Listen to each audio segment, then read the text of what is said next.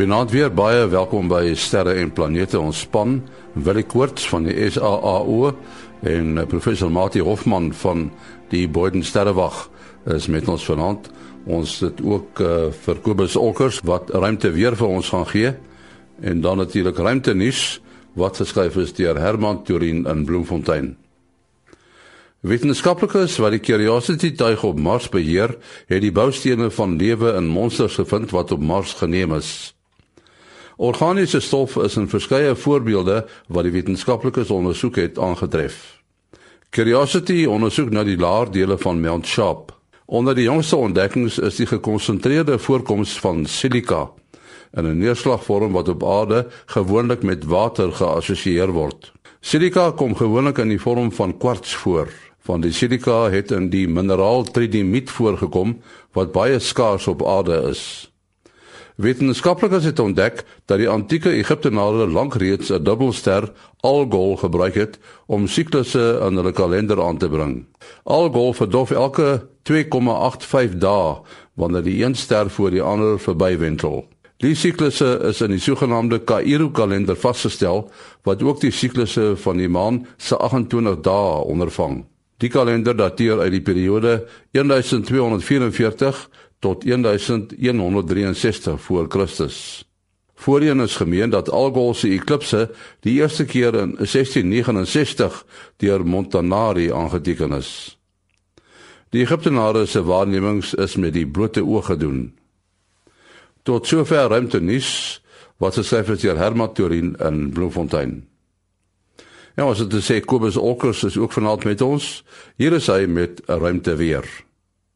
Ons het 'n redelike groot suidpool korona gehad op hierdie stadium wat baie interessant is want uh, ons het nou uiteindelik die die groot kroongate aan die suide en aan die noordpool. Noordpool se se korona gat is nou nog nie geo-effektief nie. Hy sal later in hierdie week geo-effektief raak en hy, hy kan vir ons uh, G1 of G2 klas geomagnetiese storms gee. Die ouetjie op die suidpool het reeds teen Kersdag begin om vir ons bietjie uh, sterings te gee, maar dit is eintlik meestal op die op die HF uh, kortgolffrekwенsieband.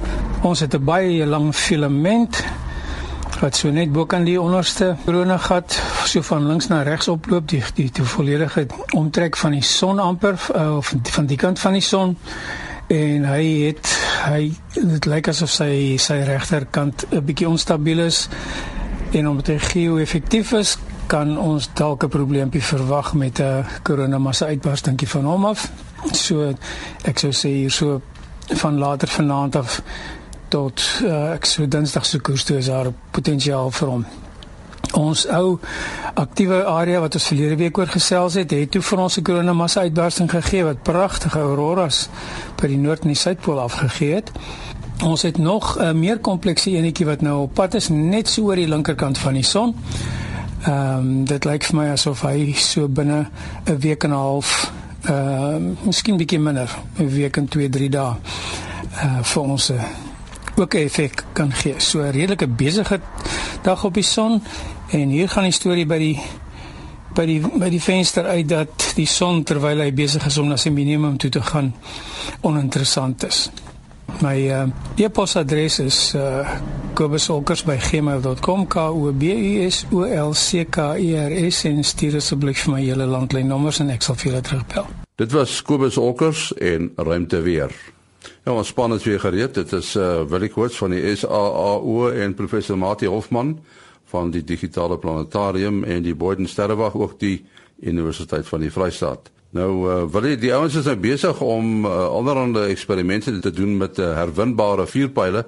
Ons weet nou SpaceX het so ruk gelede probeer en uh, dit was nie eintlik baie suksesvol nie. En toe kom jy ou van Amazon en nou weer SpaceX wat lyk my die keer taamlik welslaag behaal het, nê. Nee. Die idee is dan dat jy 'n vuurpyl lanseer en ons weet dat 'n uh, vuurpyl is eintlik 'n massiewe brandstoftank met 'n klein ladingkie op 'n uh, loonvruggie op die kop wat dan nou uiteindelik in die ruimte moet ingaan, maar jy het verskriklik baie energie nodig om die ding daar te kry. So jy het eintlik jou vuurpyl uh, is net 'n groot brandstoftek soos ek gesê het en en uh, dan om uh, te, van die massa ontslae te raak, verdeel hulle hom in verskillende dele of of stages soos hulle noem. En uh, dan het jy gewoonlik die die grootste gedeelte aan die onderkant en die val gewoonlik direk terug aarde toe. In sekere gevalle waar dit hoër is, sal dit nou ook in die atmosfeer uitbrand en dis 'n klomp uh, en 'n klomp toerusting daar wat elke moet elke lansering verlore gaan. En toe uh, SpaceX met die idee vorendag gekom om die vuurpyl, die hoofvuurpyl dit wil sê dan nou uh terug te bring aarde toe en veilig te land en uh, hulle het 'n paar probeerslae uh, al aan die uh, probeer en 'n uh, klompie van hulle was suksesvol en dan was daar ook een of twee wat nie suksesvol was nie. En die laaste een wat ons genoem het dis toe hulle op op so 'n uh, 'n drywende platform op die see probeer land het. Ja, en toe kom hierdie Jeff Bezos van uh, Blue Origin, uh, die groot baas van Amazon en uh, so 'n maand terug het hulle dit toe met hulle eerste probeerslag reg gekry of tweede probeerslag as ek reg onthou, maar dit was net 'n toetsvlug en uh, toe het SpaceX nou nie vir hulle laat ondersit nie En die keer uh, was dit sommer 'n kommersiële vlug geweest. Hulle het 'n satelliet in 'n wentelbaan geplaas. Uh Blue Origins was net 'n sogenaamde suborbital launch, so dit net reguit opgegaan uh in die in die ruimte so 100 km op en en die ding het net basies teruggeval uh en en en toe nou regop geland soos 'n soos soos 'n vuurpyl opstyg so gaan land hy op sy agterkant wat nou nogal nie 'n maklike storie is nie. Ja, en toe so uh nou het SpaceX uh dit reg gekry deur 'n gewone lansering wat beteken hulle gaan nie net reguit op nie, maar hulle gaan ook vorentoe om in 'n wentelbaan te kom en en toe die vuurpyl gaan mooi neersit. So uh, ja, dit is dit is 'n uh, um, definitiewe stap vorentoe en en nou kan hierdie vuurpyl herwin word en oorgebruik word en dit sal natuurlik 'n geweldige kostebesparing uh, teweegbring. Uh, hulle het nog geëksperimenteer maar met hierdie uh, probeerslag het hulle sommer 11 klein satelliete van opkom suksesvol in die ruimte ontplooi.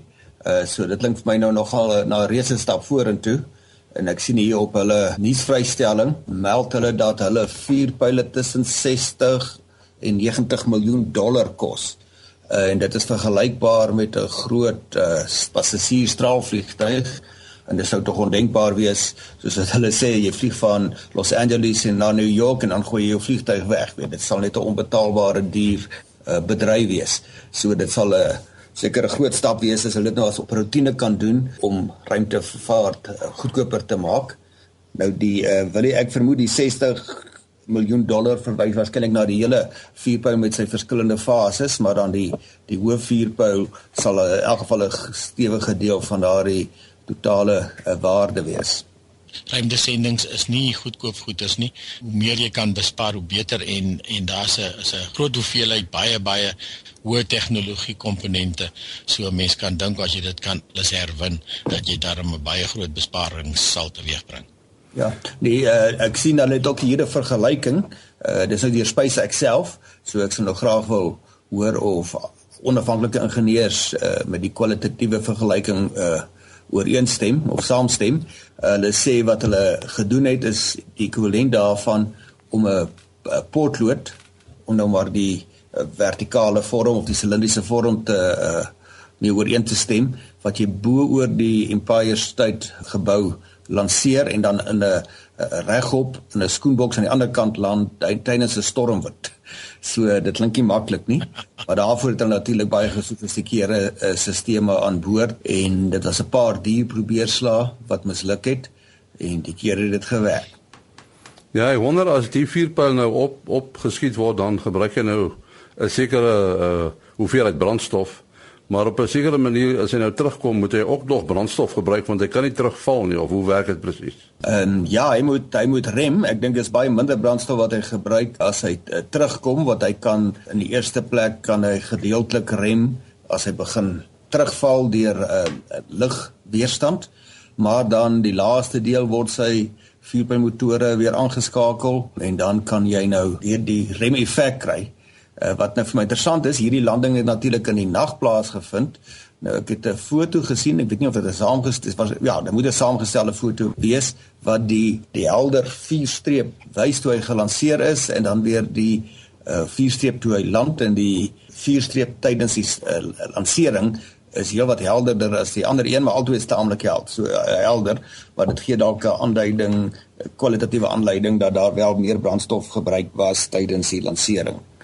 Want dan moet werk in elk geval teen die aarde se gravitasie en in die ander geval uh, wat uh, moet jy jy moet opwaarts versnel tot 'n hoë spoed. Wat Madre noem is ook interessant. Ek het uh, ook gesien die verskil tussen die blue die blue origin se stelsel die vuurpyl word amper laat vryval en kort net boek aan die grond uh, letterlik sekondes voor hy sal val word die motore dan aangeskakel om om om om, om van, van sy spoed ontslae te raak. Ehm um, waar in die toetsligte van uh, SpaceX het ek het ek gesien dat die, motore brand eintlik baie langer uh en natuurlik met minder van 'n stuurkrag die, die SpaceX vuurpyl uh, kans om te hoë spoed te bereik wanneer hy afkom nie uh teenoor die Blue Origin wat eintlik heelwat vinniger afval. Wat wat is so brandstofverbruiker dat jy is daar is dit maar uh, vloeibare suurstof. Daar is uh, vloeibare suurstof betrokke wat eintlik maar meer jou oksideerder of jou of jou uh, aanjaer dan is wat hom laat brand en um, dan dan is daar dit is amper 'n tipe van 'n kragparafin hierdie kerosien ek weet die die die rustig gebruik dit nog redelik uh, en ek dink Jaap het ook op 'n kol gesê selfs van die uh, JPL uh, vuurpyle gebruik nog daardie tipe tegnologie. Dit is eintlik teenoor jou soliede brandstof uh, waar jy kry dat die dat dit selfonderhoudend wat wat suurstof aanbetref, maar in die geval het jy basies 'n vloeibare brandstof wat wat dan met met suurstof aangevul word uh, om om teen daai geweldige tempo te kan brand om om vir jou genoeg stiekrag te gee. Martin net so 'n hele ander onderwerp uh, Uh, hulle praat van 'n uh, supernova wat uh, so met tye sigbaar is. Kan jy meer daaroor vertel?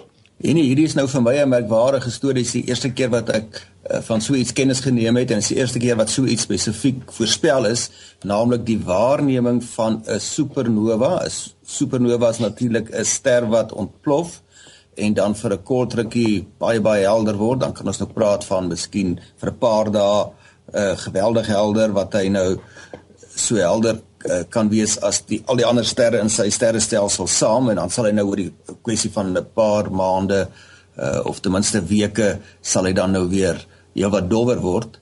Uh, nou so iets kan nie voorspel word nie. Uh, want mens weet nie presies wanneer 'n bepaalde ster gaan ontplof nie in elk geval uh wanneer hy ontplof dan vat dit uh, baie jare voor daai lig by ons aankom.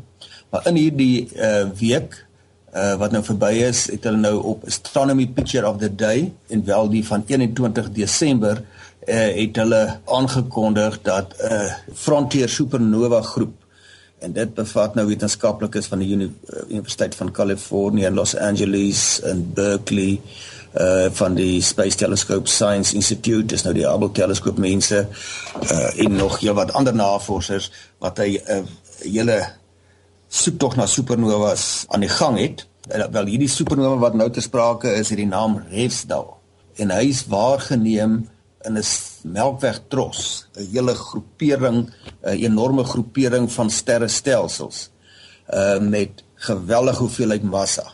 As ons nou praat van baie massa, dan dink die mense dalk aan iets soos ons son uh met 'n massa in die omgewing van 10 tot die mag 30, 10 tot die mag 31 kg, maar hier praat ons van uh, sê 'n klompie triljoen maal die massa van ons son. As jy nou van hierdie groot sterrestelsel trosse uh, praat. En wat nou belangrik is van so 'n groepering van sterrestelsels is dat dit kollektief genoeg massa het om noemenswaardige noemenswaardige uh, buiging van lig te veroorsaak. En uh, gestel nou ons kyk byvoorbeeld van die aarde af na daardie voorwerp dan kan mens voorwerpe reg agter daardie stelsel sien omdat die lig daar omgebuig is. En uh afhangende van presies hoe die verspreiding van massa en dan gaan dit nie net oor die sigbare massa nie, maar ook oor die donker materie, hoe daai verspreiding in ruimte lyk, kan die pad wat die lig van die agtergrond uh, voorwerp uh, volg uh, baie verander en dit kan ook heelwat langer gemaak word. En hulle het dan nou uh, in April hierdie jaar het hulle so aan die regter onderkant van die middel van hierdie stelsel het hulle 'n uh, Einstein kruis gesien. Dit is vier beelde van dieselfde uh supernova. Nie dit het nie presies op dieselfde sekonde verskyn nie, maar dan al vier in April en deur die eienskappe van die ligte meer die spektrum kon hulle sien dit is presies dieselfde voorwerp, maar dis vier beelde daarvan. Die lig is as dis so 'n veelvuldige lens uh wat baie beelde van dieselfde ligkol maak. En op grond van daai vier beelde kon hulle 'n model opstel van hoe hulle dink die massa verspreiding van hierdie sterre uh, stelsel Tros lyk. Hulle het uitgewerk dat dat 10 jaar gelede moes daar ook 'n beeld verskyn het wat nie gesien is nie. So dis nou moeilik om hulle te kontroleer, maar wat wel gekontroleer kon word is dat hulle toe voorspel het dat binne die volgende jaar uh op 'n bepaalde plek naby die middel van die Tros van uh, sterrestelsels sou daar weer 'n beeld verskyn. En dit is dan nou in die afgelope week gesien. Uh en dit kan gekontroleer word dat dit 'n beeld is van die uh selfde uh, voorwerp of selfde supernova. So mens kan sien tussen die eerste beeld wat waarskynlik gemis is, uh wat meer as 10 jaar gelede waargeneem is en die nuutste een is daar 10 jaar verskil in reistyd van die lig. So die een se pad moet dan nou nie baie in terme van die totale afstand na die voorwerp nie wat uh, miljoene ligjare is uh, maar uh, baie in vergelyking met die afstand na ons naaste ster. Mens kan natuurlik die supernova nie sien nie, nee, met die blote oog. Nee, nie met die blote oog nie, maar hulle kyk met uh, teleskope en dan kan hulle die lig opvang en dit ontleed. En uh, om die ontdekking te gemaak het, moet hulle natuurlik gereeld kyk. So dit is wat groot toewyding om hierdie soort uh, navorsing te doen en ek kan my voorstel uh uh wil hy dat hierdie modellering om uh, te gaan uitwerk op grond van hoe die beelde van die supernova versprei is, wat die massaverspreiding is, kan nie 'n uh, elementêre uh, taak wees nie. En jy het sekerlik spesialiste in baie baie rekenaartyd nodig, baie kragtige rekenaars, waarskynlik gebruik hulle superrekenaars om dit te kon doen. Ons hoop nou maar daar is 'n foto van iemand uh, 10 jaar gelede geneem het toevallig en en dan dan uh, is dit net baie lekker wees. Ja, ek weet destyds met uh, Supernova uh, 1978A 1987A die uh, supernova in die Groot Magellaanse wolk. Uh, uh dis toevallig jaar wat ek by die sterrewag begin het en en uh ons het baie instrumente verander daai tyd want dit was die naaste supernova sedert die uitvinding van 'n teleskoop. En uh dit is natuurlik baie baie uh, intens gebestudeer. En wat ons hier gekry het is iets soortgelyks maar uh nie heeltemal dieselfde dit was nou nie 'n Einstein uh kruis of 'n Einstein lens in die geval nie maar dit was net uh eenvoudig die die 3D uh omgewing uh, rondom die supernova. Nou as mens daar omtrent dink is dit is die supernova gaan af en gee hierdie geweldige ligpuls. En ehm um, so in die uh, geval kon hulle 'n heeltemal 'n 3D prentjie gee van die omgewing uh van die massa uh, rondom die supernova wat natuurlik normaalweg uh, uh, glad nie gesien word nie omdat dit donker is en daar's nie geen lig wat vrygestel word nie. Maar nou skielik het iemand hier 'n lig aangeskakel vir 'n baie kort tydjie in 'n baie geweldige helder lig en en en dan soos die lig weerkaats van die omgewing af en die syne uiteindelik by die aarde uitkom kon hulle 'n uh, baie wonderlike 3D prentjie teken van die verspreiding van massa rondom 'n supernova uh, 87A. Ongelukkig moet ons ja. afsluit. Uh, wil jy jou uh, besonderhede? Ja, mense kan bel, SMS of WhatsApp 0724579208. 0724579208. Mati uh Henny 0836257154 0836257154 En my besonderhede maas.henny@gmail.com maas.henny@gmail.com Tot uh, volgende week. Mooi loop.